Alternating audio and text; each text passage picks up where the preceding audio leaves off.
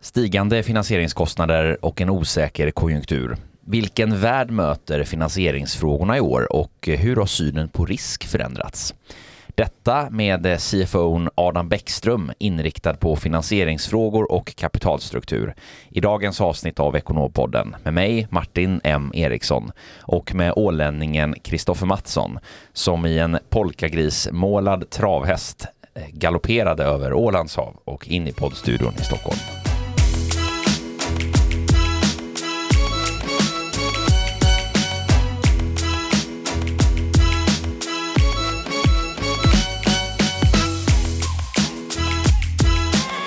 Ja, på tal om hur jag tog mig till eh, Stockholm från Åland så har jag kommit till en ny insikt, eller inte jag, men jag tror det var eh, några forskare på, på Göteborgs och Stockholms universitet som hade gjort det. Vet du vad de kom fram till? Um, nej, berätta. Att eh, det här med färgtransport inte är, eller båttransport inte är så miljövänligt som man kanske har trott. Det är ju väldigt, väldigt mycket fokus på att flyga är eh, miljöboven, men det är främst kopplat till längre resor. Så faktum är att om du väljer mellan att flyga och åka båt till Åland från eh, Stockholm så är det mer miljövänligt att flyga. Väldans Vasas-aktien rusade. Exakt. Det här var inte sponsorerat va? Nej, det här är ju, måste vara glada nyheter för alla flygentusiaster. Ja visst, eh, visst är det väl så. Nu eh, håller väl Viking Line på här för fullt och försöka hitta en lösning för eh, ja, passagerar, eh, eventuell trafik mellan eh, Norrtälje och eh, Mariehamn då. Eh, för nu har ju Viking Line sålt sitt fartyg Rosella till Grekland så att den linjen är ju bara för Eckerö-linjen numera. Mm. Ja, nej men, och sen, sen har vi ju alternativet tåg. Det är ju fantastiskt. Det är ju, alltså om, om landtransport då är, det, är så att säga alternativet. Det är, jag reser ju väldigt mycket tåg mellan Stockholm och Göteborg till exempel. Eh, och det är ett fantastiskt, eh, det är ett fantastiskt eh, reseinstrument eller på att säga, reseverktyg. Ja, absolut. Färdsätt. Det går ju dock inte till, till Åland. Jag tror det är typ på djupaste stället, så här 200 meter djupt eller någonting. Så det blir krångligt att bygga en bro där. Ja, man kan bygga en tunnel. En tunnel, absolut. Mm. Ja, bra. Eh, har du gjort något eh, skoj sen sist? Har vi något väder? Eh, Nej, men om? vi ska inte prata väder har vi sagt. Vi har Nej. ju lovat oss det inför det här året att vi inte ska prata väder i podden. Vi, vi har ju vi, det. vi är ju ingen meteorologpodd. Nej. Eh, Vi är Ekonompodden. Ja, det, det är så här 50 plus avsnitt in så konstaterar vi det. Det är bra. Ja. Ja. Vet du vad jag såg här om dagen också? Att eh, en, eh, den generella mat, eh, höjts, eller priset på en generell mat, matkassa höjts med 20 procent. Eh, och det var eh, rapsolja, smör, kaffe som var de liksom, värstingarna. Eh, fattar du att 40 procent eh, har de stigit det senaste året? Ja, nej men eh, det mat har ju, är ju liksom en, eh, en, en typ av produkter som ju verkligen har dragit iväg. Och det, det är ju rätt intressant då om man tänker så här, det är ju också en väldigt stor kostnadspost för många hushåll. Både alltså relativt sett då i relation till inkomst, dels till exempel om du tittar på, på pensionärer så är det en väldigt stor eh, kostnadspost i relation till övriga eh, och relation till inkomst generellt sett. Och barnfamiljer är ju ett annat exempel där ju man har väldigt mycket den här typen av kostnader. Så att det är klart, det är, det är lite, ny, lite ny vardag att förhålla sig till. Det är eh, kanske mästerkockstouch på korv och makaroner som, som blir det på, på menyn. Ja, Exakt, jag tror faktiskt att vi fortsatt, eh, jag inkluderat, eller jag och alla lyssnare väntar på det här tipset från eh, Mästerkocken om den här snabblagade maten som eh, du aldrig bjöd på tidigare. Nej, just det. Nej, det, den har jag på backloggen här faktiskt. Var det från 2022 tror jag. Ja, jag tror det. Jag ska Ja. fundera lite och återkomma med något bra tips. Jag har ju faktiskt börjat göra storkok igen. Det är jag väldigt glad och nöjd över. Inte, alltså det är ju ganska nyligen gjort några stycken. Jag tror att jag inspirerade dig till någonting. Ett visst eh, kycklinglår med eh, persilja i, i en eh, långkokad tomatsås. Ja, absolut. Jag har faktiskt eh, investerat i en airfryer här nyligen också och eh, man har ju hört mycket Ja, initialt när de här lanserades så var det typ att man skulle kunna göra pommes utan olja men det går ju att göra väldigt, väldigt mycket annat också. Så det slår jag ett slag för om jag skulle få tipsa tillbaka här nu då. Mm, det får du göra. Minne från Philips, lite mer sponsorering här också. Ja, nej men eh, precis. Vi kan ju klargöra då att det är ju inte sponsrat. Men eh, det skulle inte vara fel med en airfryer. Nej, så är det. Men eh, idag ska vi prata investeringar och eh, finansiering. Shit vad spännande. Ja, otroligt spännande. Eh, ett landskap eh, som ju är under total förändring. Från eh, att vi har haft eh, 10 plus år där eh, kapital och pengar inte har kostat någonting. Eh, det har funnits ett överflöd och det har varit lätt att skaffa. Till ett landskap där det plötsligt blir betydligt djupare due diligence-processer, eh, riskaptiten ju har eh, förändrats och eh, framförallt eh, att man eh, behöver gå mycket, mycket djupare i analyserna. Eh, vilket ju helt förändrar spelplanen för en CFO för eh, en ekonom som jobbar med den här typen av frågor. Ja verkligen och det är bara att titta på de stora techbolagen, Klarna, Spotify och, och Voi, det, det varslas ju till höger och eh, till vänster. Och varför är det så? Vi ska försöka reda ut detta och mycket, mycket mer eh, tillsammans med vår gäst Adam Bäckström som vi har eh, äran att ha i studion idag. Varmt välkommen hit Adam. Tack så hemskt mycket. Du är ju eh, expert på de här frågorna med finansiering och kapitalstrukturer. Du har ju i din roll som CFO eh, nu ett antal år på, på Epti jobbat med det här och även tidigare. Eh, så att vi är otroligt glada över att ha dig i studion och reda ut och eh, svara och förklara på mycket av det som händer i marknaden och på vilket sätt det påverkar eh, alltifrån företagen i stort till, till hela branscher och, och utifrån ett, ett även eh, investeringsperspektiv. Och, men framförallt kanske för den, den enskilda ekonomen som sitter och jobbar med de här frågorna och, och hur ska navigera i det här landskapet.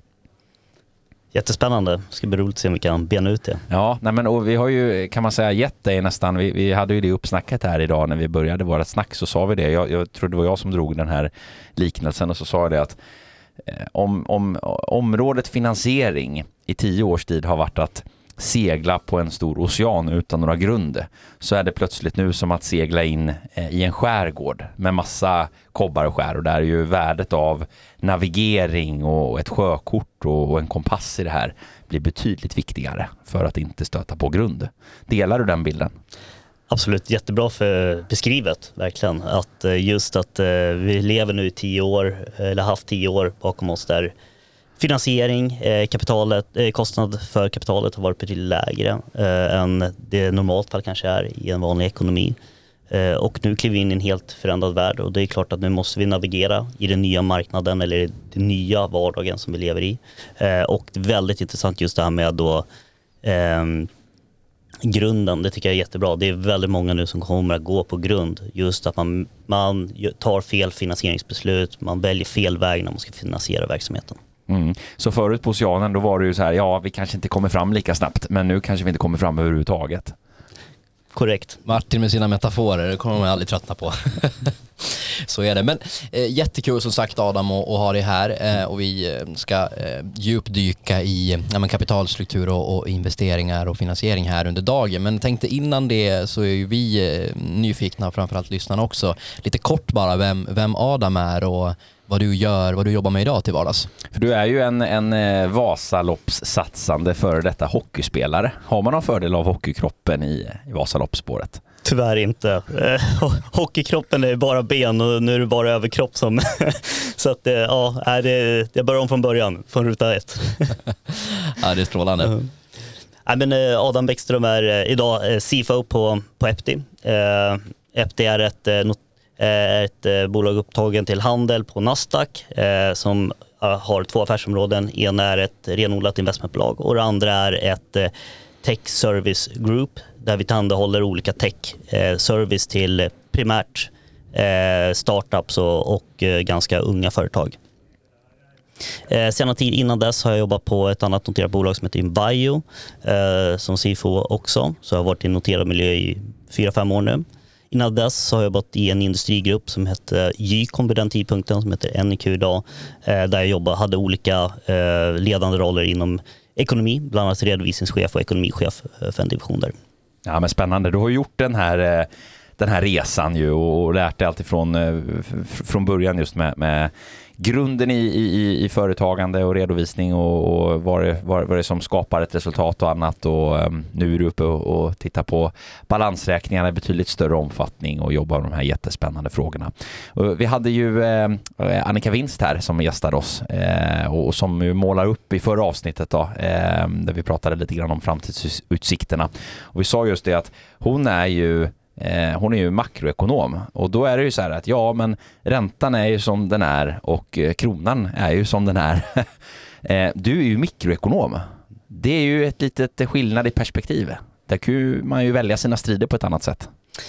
Absolut, och, och framförallt i de olika branscherna eh, ställer sig olika utmaningar i den här eh, förändringen i ekonomin som sker.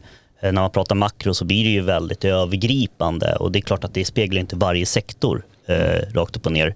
Utan när vi kollar primärt då på techsektorn och vissa, ja där har det skett en viss förändring mm.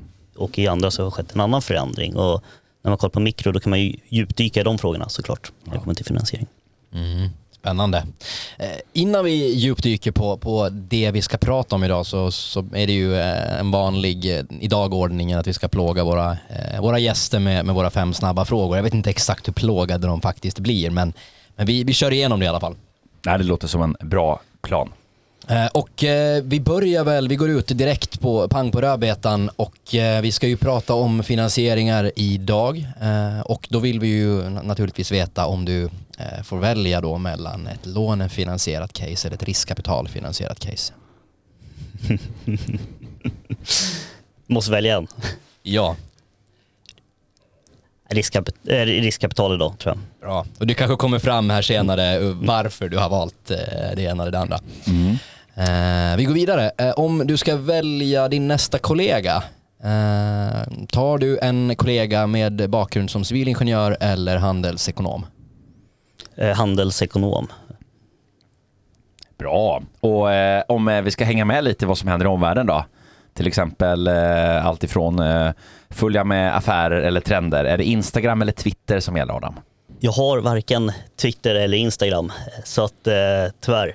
LinkedIn i sådana fall. Ja, bra. Mm. Ja, men, och vi går vidare. Uh, vi pratade lite tidigare om uh, mikro eller makroekonomi. Vad, eh, det kanske är mikroekonomi då, men vad väljer du där? Det är såklart eh, mikro från mitt håll, men jag tycker makro är väldigt intressant idag med tanke på att vi lever i en värld där makron kommer spegla, spegla av sig ner på mikron ganska snabbt nu här. Så det, det är klart att det är intressant också. I skiftet. Ja men härligt. Och avslutningsvis då, vi, vi investerar ju på eh, olika håll och kanter och svenska börsen och USA-börsen är ju två, två såklart vanligt förekommande i, eh, i de flesta eh, småsparares portföljer. Men om du ska gå utanför här och vi ska spana lite söderut i Europa. Är det in i franska eller tyska börsen? Vad har du mest förkärlek? Tyska börsen primärt där i sådana fall. Tyska börsen, vi, eh, är också upptagen till handel i, i på Frankfurt eh, och eh, tyska börsen är mer stabil eh, primärt i den sektorn vi är. Tyskland har ju ganska tunga industrier som inte påverkas på samma sätt som de kanske mera nya industrierna görs i, i den ekonomi vi lever just, just nu i. Kanon, men då är vi varma i kläderna här efter de fem snabba och lite introduktion här och, och som sagt varmt välkommen eh, Adam. Och eh, vi tänkte börja prata lite om en introduktion då till, till dagens ämne och prata lite finansiering och, och investeringar och, eh, och hur man egentligen kan resa kapital idag. Och historiskt, som vi var inne på här inledningsvis, så har det varit ganska enkelt att resa kapital. Det räcker egentligen att du har en en god och en bra idé och alla slänger pengar på dig. Det, det, pengar är gratis. Eh, och eh, jag tror investerat kapital i techbolag som minskade med ungefär en femtedel under 2022 jämfört med rekordåret då 2021. Man kan också ifrågasätta varför det var så högt 2021 kanske då med tanke på, på det ja, marknadsläget, som, marknadsläget som rådde. Men vad är din take på det här om vi liksom börjar där någonstans som introduktion för, för dagens ämne? Men det, det, är klart, det är, det är flera faktorer samtidigt som spelar en väldigt viktig roll i, i det här. Eh, eh det är klart att alla de här makro, eh, makroperspektiven har en jätteviktig faktor här och räntan har en jätteviktig faktor också. Eh, men om man går kanske mer till det fundamentala och går tillbaka till det här med att riskbenägenheten har ju minskat. Och den minskas ju primärt på grund av att investerare eh, har ju insett att sina investeringar börjar nu kosta pengar vilket innebär att man blir mycket, mycket mer försiktig i vad man investerar i. Pengar finns ju fortfarande ute på marknaden, men problemet är mera tiden att det tar nu att genomföra de olika kapitalanskaffningarna eller lånefinansiering eller vad det nu ska vara. Det krävs en mer omfattande analys och det tar mer, mer tid för att man behöver liksom grunda den med det är fler, fler olika komponenter att ta, ta i beaktande. Ja, men det är korrekt. Helt korrekt att eh, nu så sätter sig investerare mer ner i varje case och är mer försiktig och är mer ifrågasättande eh, än vad man var tidigare. Ett sundhetstecken skulle jag ändå vilja säga att faktiskt investerare bryr sig mer om sina investeringar och att man är mer närvarande i sina investeringar också. Men som sagt, som entreprenör som behöver pengar omgående, ja det är klart, då blir det jobbigt. Då sitter du ju i en sämre situation såklart. Ja, vi pratade också här i inledningen om att eh, nu har ju alla de stora techbolagen, eh, det varslas ju till, till höger och till vänster. Varför, varför ser det ut så? Det tror jag många undrar. Jag tror mycket, bygger, mycket faller tillbaka till just att, att bolagen eller framförallt nuvarande ägare eh, som de senaste åren har haft ganska höga värderingar på sina, eh, på sina eh, olika kapitalanskaffningar plötsligt nu inser att man måste dra ner värderingarna. Och då blir man ju lite försiktig det här med att oj nu ökar utspädningen, man vill inte tappa kontrollen i bolagen. Eh, I kombination med att man tidigare har tagit in kapital på en viss hos vissa investerare. Man vill ju någonstans hedra att man ska fortsätta den här tillväxten. Men samtidigt så inser man ju också att det är svårare att ta in pengar på de här nivåerna. Och då behöver man eh, inse att vi bör, kan inte ta in lika mycket pengar som vi tidigare hade diskuterat och som vi tidigare hade prognoserat att ta in. Och nu behöver vi tajta till det, vilket också innebär att vi måste tajta till kostnadskostymen för att över en längre tid kunna eh, överleva. Det är ett skifte då, att man under ganska många år nu egentligen bara har tittat på eh, från runda till runda olika eh, alltså värderingsökningar. Men idag ett fokus på cashflow och faktiskt att man tjänar pengar också eh, och visar på en återbetalningsförmåga det blir absolut viktigare idag och det, det speglar absolut på värderingarna och framförallt på risk, eller riskviljan hos investerare. Bolag som har kassaflöden, bolag som har kundavtal, bolag som kan påvisa att man med väldigt små medel kan ganska snabbt ställa om verksamheten till att vara kassaneutral eller kassaflödespositiv. De har enklare att ta in pengar idag bolag som behöver ha minst en fem, tre till fem års horisont innan de ens kan påvisa att man är nära kassaflödesneutralt. Det är en för stor risk idag. Och, det, och, när investerare då börjar räkna på det så börjar man räkna på att UPS avkastningskraven för det här caset måste vara ganska högt för att vi ska vara intresserade av att ta den här risken. Mm. Och det här är ju spännande, jag menar vi pratade tidigare lite om din bakgrund från Epti då, ni har väl en PE-låda där med, vad är det, 25 bolag ungefär i portföljen och det är ju liksom tech som är er nisch, det är där ni förvärvar alla bolag. Så det här är ju verkligen ditt scope, det här är någonting som du kan. Och vad, vad ser du liksom, att hur har det här påverkat, ni som förvärvar bolag och, och, och tittar liksom på, men är de lönsamma, intjäning och, och alla möjliga kopior? Hur har det skiftet gått nu då sen, med de sista åren från 2021 till exempel? primärt så vi, vi faller ju tillbaka som alla andra ganska eh, naturligt att falla tillbaka till det här med att kolla på bolagen. Vart står de idag? Hur ser verksamheten ut idag? Finns det möjlighet att med små medel ganska snabbt kunna ställa om de här verksamheterna? Det kollar vi väldigt mycket på.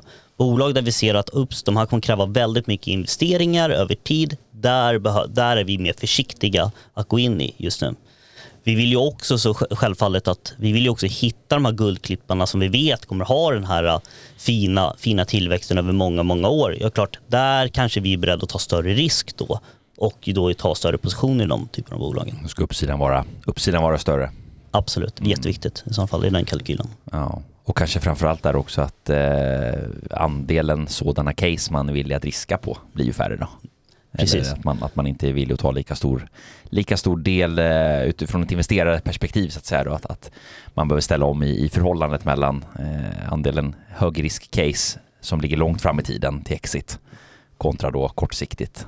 Hur får jag hem mina pengar och finansierar den här kostnaden?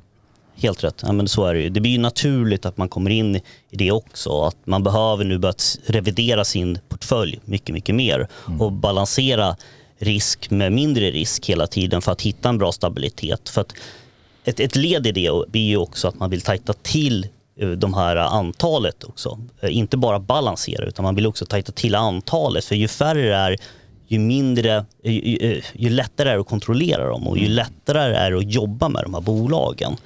Eh, för att om du då har 20 bolag, ja, eller 25 bolag som, som vi sitter med, det, det är väldigt mycket jobb att balansera alla de här i portföljen. Så jag tror att man kommer nog se att många av de här investeringsbolagen kommer att minska på antalet innehav. Eh, just för att ja, minska på sin egen exponering också. Mm. Och ni har ju eh, från ert perspektiv då eh, på Epti så är det, det är mycket techbolag som är, är liksom den primära eh, typen av bolag som ju ni investerar i. Vilka andra branscher ser du eh, får en stor påverkan utifrån då ett finansieringsperspektiv nu i det här nya, nya landskapet i och med eh, de här skiftena som vi ser, eh, makroekonomiska skiftena som vi ser? Det är klart att fastighetsbranschen har ju eh, fått en, ett wake-up call nu med ränteförändringarna. Det är klart att det, det där ser man ju jättestor förändring. Där där förväntar man sig också nu ganska mycket tror jag att eh, antingen att de här fastighetsbolagen på något sätt måste kunna påvisa att man kan öka sina avkastningskrav på högre eller kunna behålla avkastning på de här nya ränteläget alternativt att de behöver hitta nya finansieringslösningar. Det tror jag absolut. Mm. Kreativa sätt. Det tror jag absolut kommer uppstå. Ja. kan man förenkla det och säga att man har skiftat fokus kanske från att titta på resultaträkning och liksom topline, vad gör man, till att titta mer på balansräkningen rent krasst då, tillgångar och skulder? Helt, ja men det är precis, och det kollar vi primärt på när vi eh, kollar på bolag och, och, och, även på våra egna innehav. Att, eh, vi, vi, tidigare har vi bara fokuserat på tillväxt just för att tillväxten genererar att vi på något sätt har kunnat öka värderingen i kommande runder etc. Nu är inte det intressant längre utan nu är det intressant att se hur ser balansräkningen ut? Hur ser skuldsättningsgraden ut idag? Hur ser kassaflödena ut idag? Det är där vi lägger fokus på idag i våra egna innehav också. Om man sitter då som eh, ekonom i, i, olika typer av situationer, alltifrån då eh, som CFO på ett bolag eh, där man ju möts av de här eh, strukturella förändringarna här nu som ändå sker i, i, i marknaden, eh, till en enskild ekonom som, som eh, tittar på ett nytt jobb eh, och, och, ställer sig frågan, är det här ett bolag som är hållbart? Eh, har de en hållbar finansiering? Vilka parametrar, eh, vilka faktorer är det, är det som blir viktiga i de här frågeställningarna att titta på? Om vi börjar med första delen, just det här med vad som blir viktigt eh, för CFO idag. Det, eftersom det tar längre tid nu att ta in pengar i bolagen än tidigare år så behöver man ha mer framförhållning som, som en CFO eller som en ekonom i bolaget. Man måste tidigare påbörja processen att ta in kapitalet. Man måste ha tålamod, man måste se kanske på olika olika lösningar under tiden om man skulle stå utan pengar. Att man kanske hittar någon typ av bryggfinansiering eller liknande tills att man har hela finansieringslösningen på plats. Men man, primärt, det som är, eh, primärt tipset där till alla ekonomer det är att ha framförhållning och det tar längre tid än vad man tror idag att ta in pengar. Så vi, vi, i vissa frågor har man ju liksom gått ifrån det där skiftet nästan snarare tvärtom. Så här, vi har jobbat med femåriga forecasts nej men vi måste titta mer kortsiktigt på affären. Vi har ingen aning om vad som händer om två år. Det är ju bara att titta på historiskt nu med pandemier och krig och elpriser och det går så himla himla fort pratar vi ofta om. Och där har ju många ställt om i att man, man jobbar så mycket mer kortsiktigt, man var mycket mer snabbrörlig och, och sådär. Eh, men utifrån ett finansieringsperspektiv då så blir det egentligen precis tvärtom. Nu behöver vi bli mer långsiktiga istället. Ja, men helt rätt, verkligen. Man måste lyfta blicken mycket, mycket längre bort också. För att, eh, nu kan man inte förvänta sig att man bara kan gå ut och hämta hem pengar på, på tre veckor så ska hela kassan vara full, full igen. Utan nu behövs den här längre tiden. Du behöver jobba in de här investerarna. Du måste lite klämma och känna på de här investerarna och känna, är det här rätt? Kommer de här vara med? Eh, etc. Och mm därav så är det, man måste lyfta blicken som ekonom och man måste hjälpa framförallt entreprenörer och företagsledare generellt som du jobbar med runt om dig. Alltså du måste hjälpa dem att förstå att vi måste lyfta blicken tidigare än vad vi gjort de, de senaste tio åren. Om man då är utifrån ett utifrån perspektiv tittar på ett case, eh, så jag blir tillfrågad om en, en interim, eh, ett interimt uppdrag som CFO på ett, eh, på ett eh, riskkapitalfinansierat eh, eller ej, ännu ej lönsamt bolag som är finansierat via olika finansieringslösningar som vi ska komma in på. Eh, idag lite kapitalstruktur och sådär. Eh, utifrån sett, eh, sitter där med vdn. Vilka frågor bör jag ställa Eh, för att förstå och kunna bilda en uppfattning om, om, om det här bolagets eh, uthållighet. Jag skulle börja med att, eh, att fråga vdn eller företagsledarna att vad, har, vad, är, vad är målet? Är målet att bli lönsamt? Eller är målet att fortsätta leva på riskkapital? Och om det svaret är att mål, att, man, att man ska fortsätta leva på riskkapital under x antal år framåt, ja men då ska man primärt börja kolla på hur ser burn raten ut, hur länge räcker nuvarande kassa, har de någon plan för att när de ska påbörja eh, kapitalanskaffningen. Och burn rate för att reda ut begreppet för de som inte hört det förut. Det är hur många månader som, eh, som nuvarande kassan räcker tills att pengarna är slut. Mm. Och om, om eh, svaret istället då är att men, vi, ska, vi ska bli lönsamma, då är det då en fråga om hur ska det gå till? Helt korrekt. Då, måste man ju, då skulle jag absolut ställa frågan är hur långt ifrån är ni idag att bli lönsamma? Och vad har ni för buffert om, ni, om det skulle ta längre tid? Vad har ni då för plan B i sådana fall? Mm. För att en turnaround eller en omställning från att vara eh, väldigt kapitalintensivt till att bli lönsamt. Den resan är oftast lite längre än vad man säger i början. Om man säger ett år så tar det oftast de där 18 månaderna ändå för det är så mycket som uppstår och man ska rensa bort kostnader etc. etc. Allt tar längre tid än vad man, än vad man tror. Nej men verkligen spännande. Två jag, olika perspektiv och, och, och, två olika förhållningssätt ändå till, till frågeställningen som man behöver vara vaksam på. Då. Absolut. Jag är lite nyfiken också, innan vi lämnar då kanske den enskilda ekonomen och hur, Finns det någonting, liksom något stalltips man skulle kunna ge om man tittar, liksom, tittar över KPI, tittar på börsen? Jag menar, någonstans går ju det här i ett när man ska investera i bolag till exempel. Ser man ett tydligt skifte där också? Kan man resonera likadant om man sitter som privatperson och är nyfiken på börsen till exempel? Hur, hur är det skiftet? Är det, är det balansräkningen som, som är det viktiga att titta på även framåt? Ja, men absolut. Det är det. Och framförallt i den konjunkturen vi fortfarande befinner oss i och, den, och i, i, den ekonomi som jag fortfarande, som jag ändå bedömer någonstans kommer att finnas, eh, kommer att vara verklighet de kommande åren, så är det balansräkning vi ska fokusera på. Även om som en ekonom eller som en investerare på börsen eller privat, vilket fall som helst så ska du kolla på balansräkningen och du ska primärt kolla på hur skuldsättningsgraden nu ser ut i bolagen. För skulder ska vid någon, tid, vid någon tidpunkt återbetalas. Ja men spännande och det leder väl oss ganska raskt in ändå på, på, eh, på de här frågorna om, om på vilket sätt vi kan, kan finansiera eh, vår verksamhet. Då. Eh, och, och, jag tänker på, på finansiering av verksamhet, det kan ju handla alltifrån om att man ännu inte är lönsam, att man behöver kapital att förbruka så att säga under en uppbyggnadsfas eller tillväxtfas. Men eh, tittar vi på fastighetsbranschen så handlar det ju också, för att ta ett exempel, det är ju en väldigt balanstung typ av verksamhet. Där, behöver vi ju, där använder vi finansiering som en del av själva verksamheten. Även om vi är lönsamma hela tiden så behöver vi finansiera, finansiera eh, fastigheter i det, i det här fallet. Då. Eh, så, så att eh, för att definiera bara området finansiering så är det ett ganska stort område, ett stort begrepp ändå. Men där vi ska försöka tillsammans idag dyka in lite på de olika typerna av finansieringsformer och hur man ska förhålla sig och kan, kan resonera. Eh, men ska vi börja lite där, eh, om man, om man tittar då på vilken, vilken typ av huvudsakliga Eh, finansieringsformer som, som är förekommande och, och som man har att tillgå. Primärt idag när man tittar på, primärt om vi kollar på lite yngre bolag eh, så är det ju oftast, eh, man pratar antingen equity, alltså att man gör någon typ av, med egna kapitalet, alltså man gör en riktad emission, företrädare, någon typ av emission som tillför både eget kapital och cash. Det andra är ju någon typ av skuldfinansiering. Man hittar någon långivare som är intresserad av att låna ut kapital över en viss tid som ska amorteras av mot en ränta etc. Eh, sedan så finns det ju också olika nischer inom det här. Man, många pratar ju om riskkapital. Riskkapital bygger ju väldigt mycket, deras syfte är ju egentligen att, eh, eh syfte, deras syfte är ju tillväxt och utköp oftast. Och när man, pratar, och då, när man tittar i den ekonomin vi är i idag där det kanske inte är tillväxt i fokus då kan det bli lite, lite svårare att eh, locka till sig dem. De riskkapitalet är oftast lite mer selektiva idag också, vilket gör att det är lite, lite svårare att komma åt dem.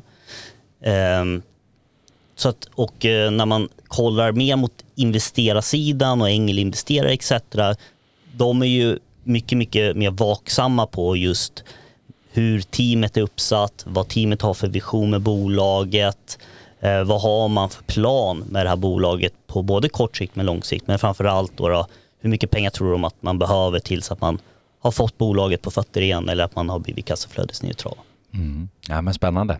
Och, och de, de, perspektiven som, som, som vi har i det här, vi pratade lite om det när vi hade lite uppsnack här innan vi hoppade in i studion idag, eh, så, så, så var vi just inne på det att tidsaspekten är mer avgörande. Alltså det, det, att det, om vi blickar tillbaks då så har det funnits en ganska Eh, ett ganska gott eh, utbud av kapital. Att man har inte behövt fundera så mycket, okej okay, men nästa runda då? Ja men det är lugnt, det löser vi då när den väl, det kapitalbehovet väl dyker upp och kanske ibland bara med, med någon månads varsel eh, lösa finansieringsfrågorna. Eh, till att vi idag har vi behov av att vara mycket mer långsiktiga.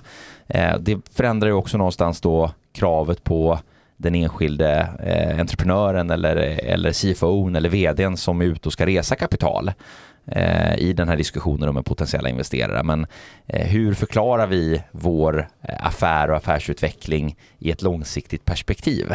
Det är någonting som man kanske tidigare riktigt inte har behövt på samma sätt. Det har nästan varit powerpoint-presentationer som har rest liksom 100 miljoner i kapital utan nästan någon substans ibland. Och det där håller ju inte riktigt längre. Ja, men det, det har du helt rätt i och det, det märker man mycket, mycket tydligare nu att investerarna vill eh, ha eh, en mycket tydligare case, man vill ha en tydlig förklaring till vad ska pengarna användas till. Eh, man vill nästan lite för på detaljnivå ibland faktiskt få en förklaring varför man behöver så här mycket pengar etc. etc.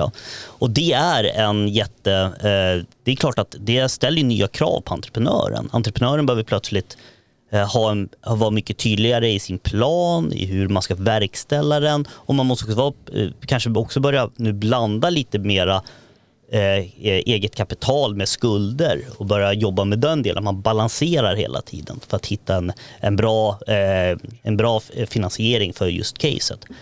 En viktig grej också som återkommande det är just storyn.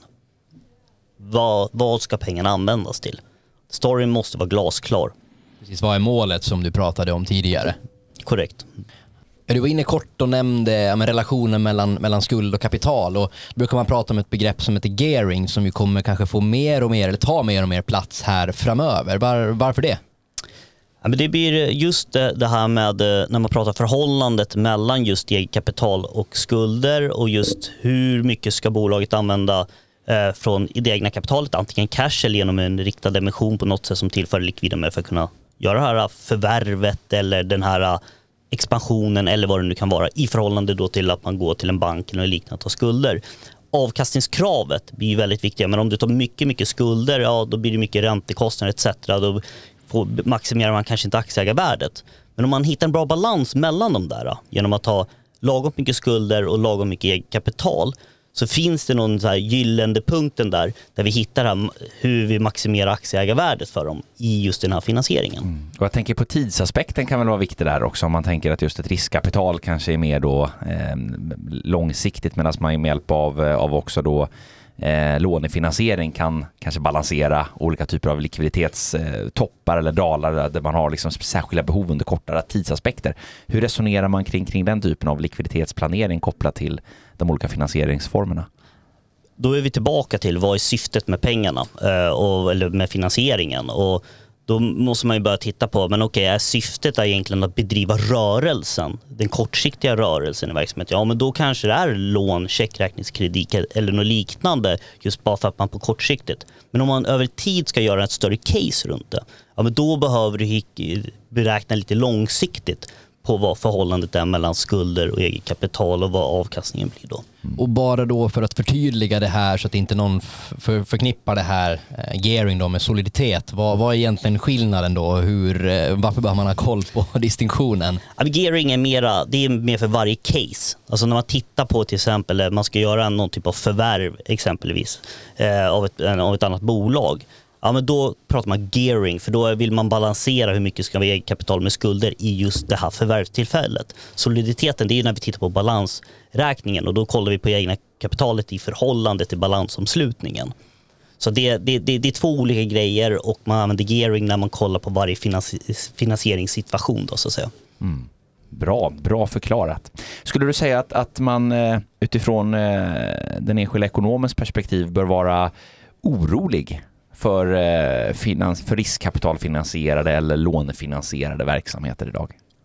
Primärt, alltså lånefinansiering har ju alltid en, en, en, en risk för att lånet ska ju återbetalas på ett eller annat sätt. Eh, riskkapital, det är ju, de går ju in med kapital i, eh, eh, i bolag som det finns risk. De är medvetna om risken men de har ju också betydligt högre avkastningskrav.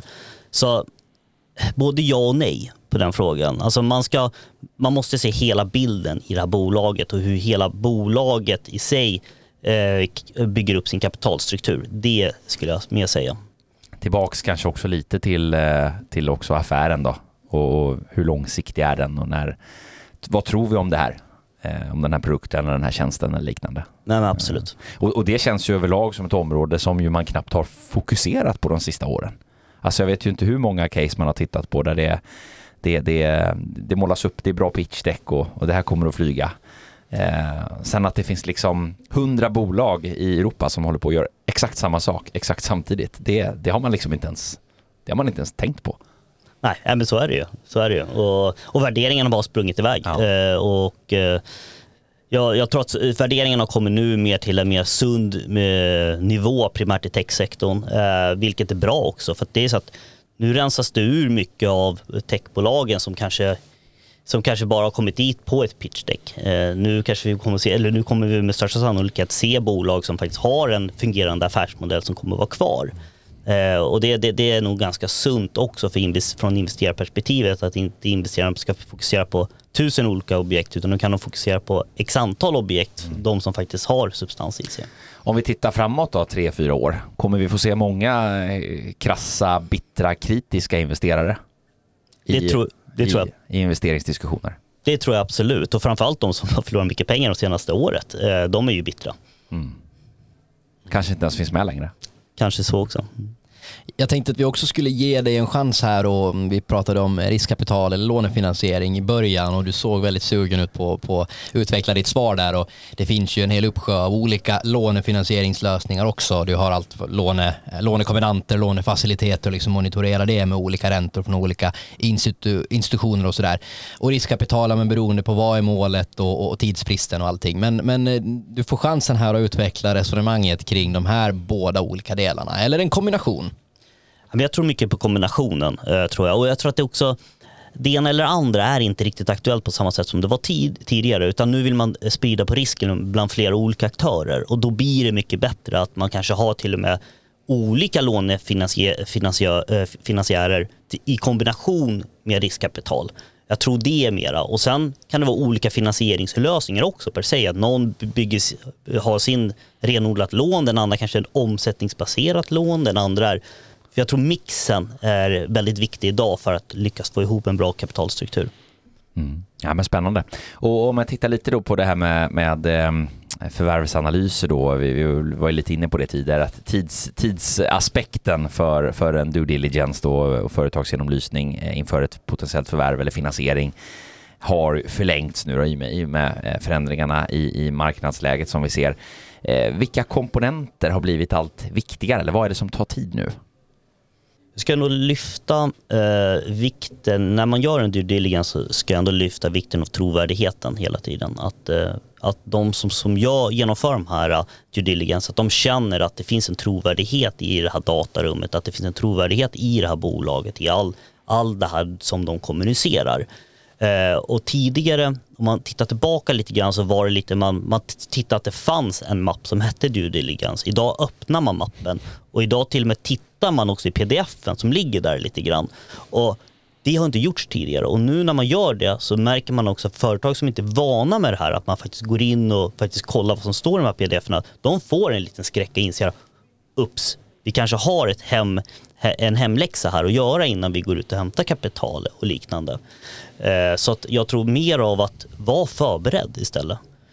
Det behöver inte vara att du behöver vara helt, helt perfekt, men du måste vara förberedd att ha dokumentationen, ha all den här governance-strukturen på plats när du ska gå ut och hämta pengar eller sälja eller köpa ett bolag. Mm. Mycket mer jobb för ekonomiavdelningarna som är i den här typen av bolag då? Absolut, ja. absolut. Mm, spännande. Och vi var ju lite inne på det här tidigare då, ja, men kring kapitalstrukturen och, och sådär och en kombination kanske förespråkas i, i många fall. Har du några andra sådär, andra kreativa strukturer som man skulle kunna eh, överväga eller fundera kring?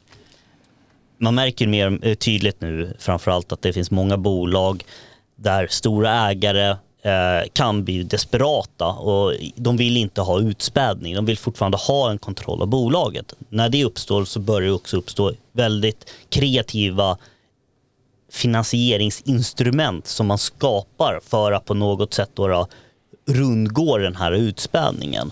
Och det blir vanligare och vanligare och framförallt just nu för många av de här eh, ägarna vill inte göra eh, kapitalresningar på en alltför låg värdering för de, de har ju räknat när de gjorde sin investering att den här värderingen skulle gå upp med x antal eh, procent.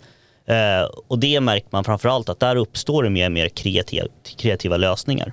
Oftast väldigt svårt också ibland tycker jag att man svårt att förstå vad som är själva syftet med de här instrumenten. Man förstår inte riktigt vad, hur ska avkastningen komma tillbaka till aktieägarna eller vart, vart, när ska de olika återbetalningarna ske etc. etc. Så där ska man vara väldigt försiktig skulle jag säga. Så en lösning är att göra det så avancerat så ingen förstår sig på det, så tror man att det är ganska bra. Ja, precis. Nej, och jag tänker väl också lite oberoende av på vilket sätt man strukturerar affären så, så någonstans ändå eh, vad är det egentligen vi håller på med? Eh, och, och, kommer vi få det här att flyga? Eh, kommer den här affären att hålla? För att det finns ju oavsett tidsaspekten en end date där du måste övergå från att vara riskkapitalfinansierad eller finansierad till att faktiskt finansiera dig själv och återbetala. Antingen återbetala i form av eh, att man behöver betala tillbaka på, på, på sina företagslån eller eh, att det kommer en ny storägare som förvärvar bolaget och då bygger det på att värderingen har gått upp. Och det är ju som vi är inne på, i en tuffare marknad med ett högre ränteläge, Eh, betydligt tuffare värderingar. Så, så eh, det blir någonstans ändå tillbaks till, lyckas vi få den här verksamheten att funka?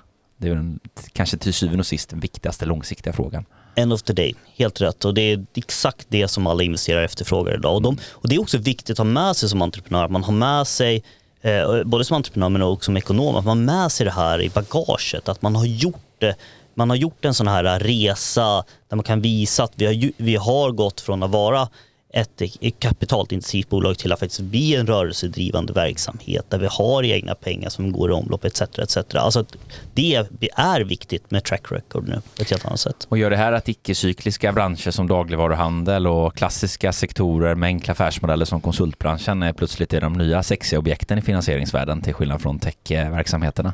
Helt rätt. Det är de sexiga grejerna nu, helt klart. Och, det, och så är det ju för att techbolag är inte lika ordmässigt kanske fel, men porriga längre på det sättet. Utan nu är det där det är balansräkning och kassaflöden och det är de här gamla tråkiga industrierna som nu drar, eh, som investerarna börjar kolla mer och mer på. Och jag hoppas att tech, techbranschen tar efter det här och lär sig av de här gamla tråkiga industrierna att över tid med stabilitet så är det mer porrigt. Ja men spännande. Och, och ehm, eh, otroligt intressant och många bra resonemang. Och, och eh, innan, vi, eh, innan vi blir av med dig här i studion Adam så ska vi väl passa på att kanske ta en liten också framtidsspaning och sådär om, om andra områden som du kanske vill, vill möjligen kommentera kring avseende trender eller annat som vi ser framåt och, och Eh, det har varit mycket tal om, om automation och artificiell intelligens och, och mycket spännande. Men ett, ett, annat område som ju växer väldigt mycket idag och som är på framtåg är ju minst sagt eh, hela elektrifieringen som pågår i samhället. Där har vi väldigt mycket fortfarande eh, fortfarande riskkapital som pumpas in och, och, och eh, bolag som ännu inte är lönsamma.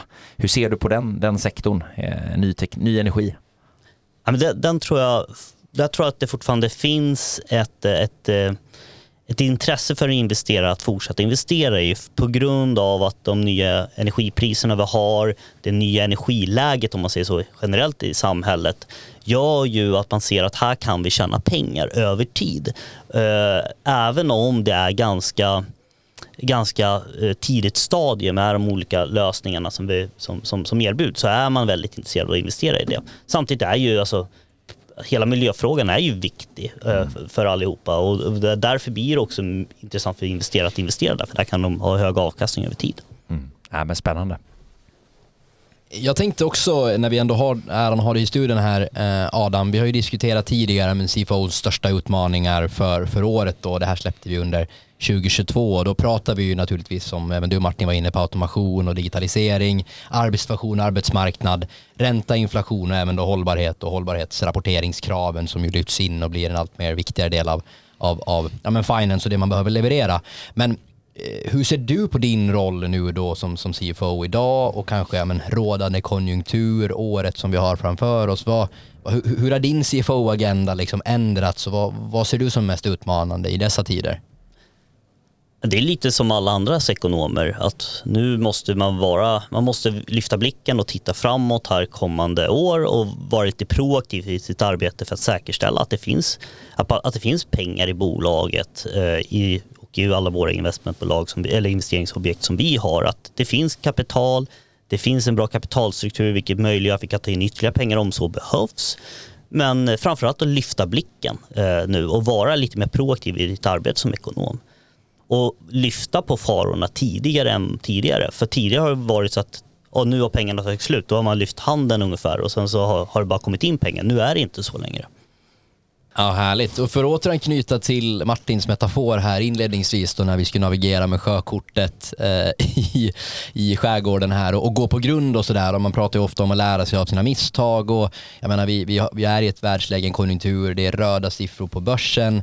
Pratar dock techbolagen kanske har det som värst nu, de här trygga industrierna kanske något, något bättre. Men om man skulle vara lite optimist då, jag menar vi pratade ju pratade väldigt mycket om i podden också, att ja, men, se möjligheter och det är ju utifrån dessa tider som de här innovativa, smarta personerna hittar nya affärsmodeller, löser nya världsproblem och, och allt vad det är. Vad är din syn på det? Eh, du som ändå vill vara lite optimistisk här, som vi fick eh, nys om i uppsnacket.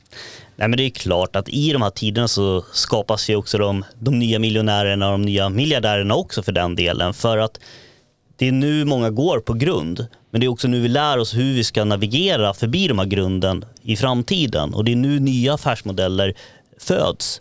Nya affärsmodeller som också kommer vara mer, kanske mer hållbara över tid. För att man startar bolaget i en konjunkturläge där det är mer utmanande än när det kanske bara är allting är bara bara underbart. Så det är, det är väl en jättemöjlighet nu ser jag och framförallt för ekonomer. Alltså här har vi ju en jättemöjlighet som ekonomer nu att få lära oss av de, de, de, eller de bolagen som gått på grund, varför de gjort det etc. etc. Och så kan vi nu lära oss att inte göra det igen. Precis, det finns många best practice eh, och dos and, eller don'ts kanske framförallt. Ja, för det kommer vara många som kommer att gå på grund nu. Mm. Så, så är det.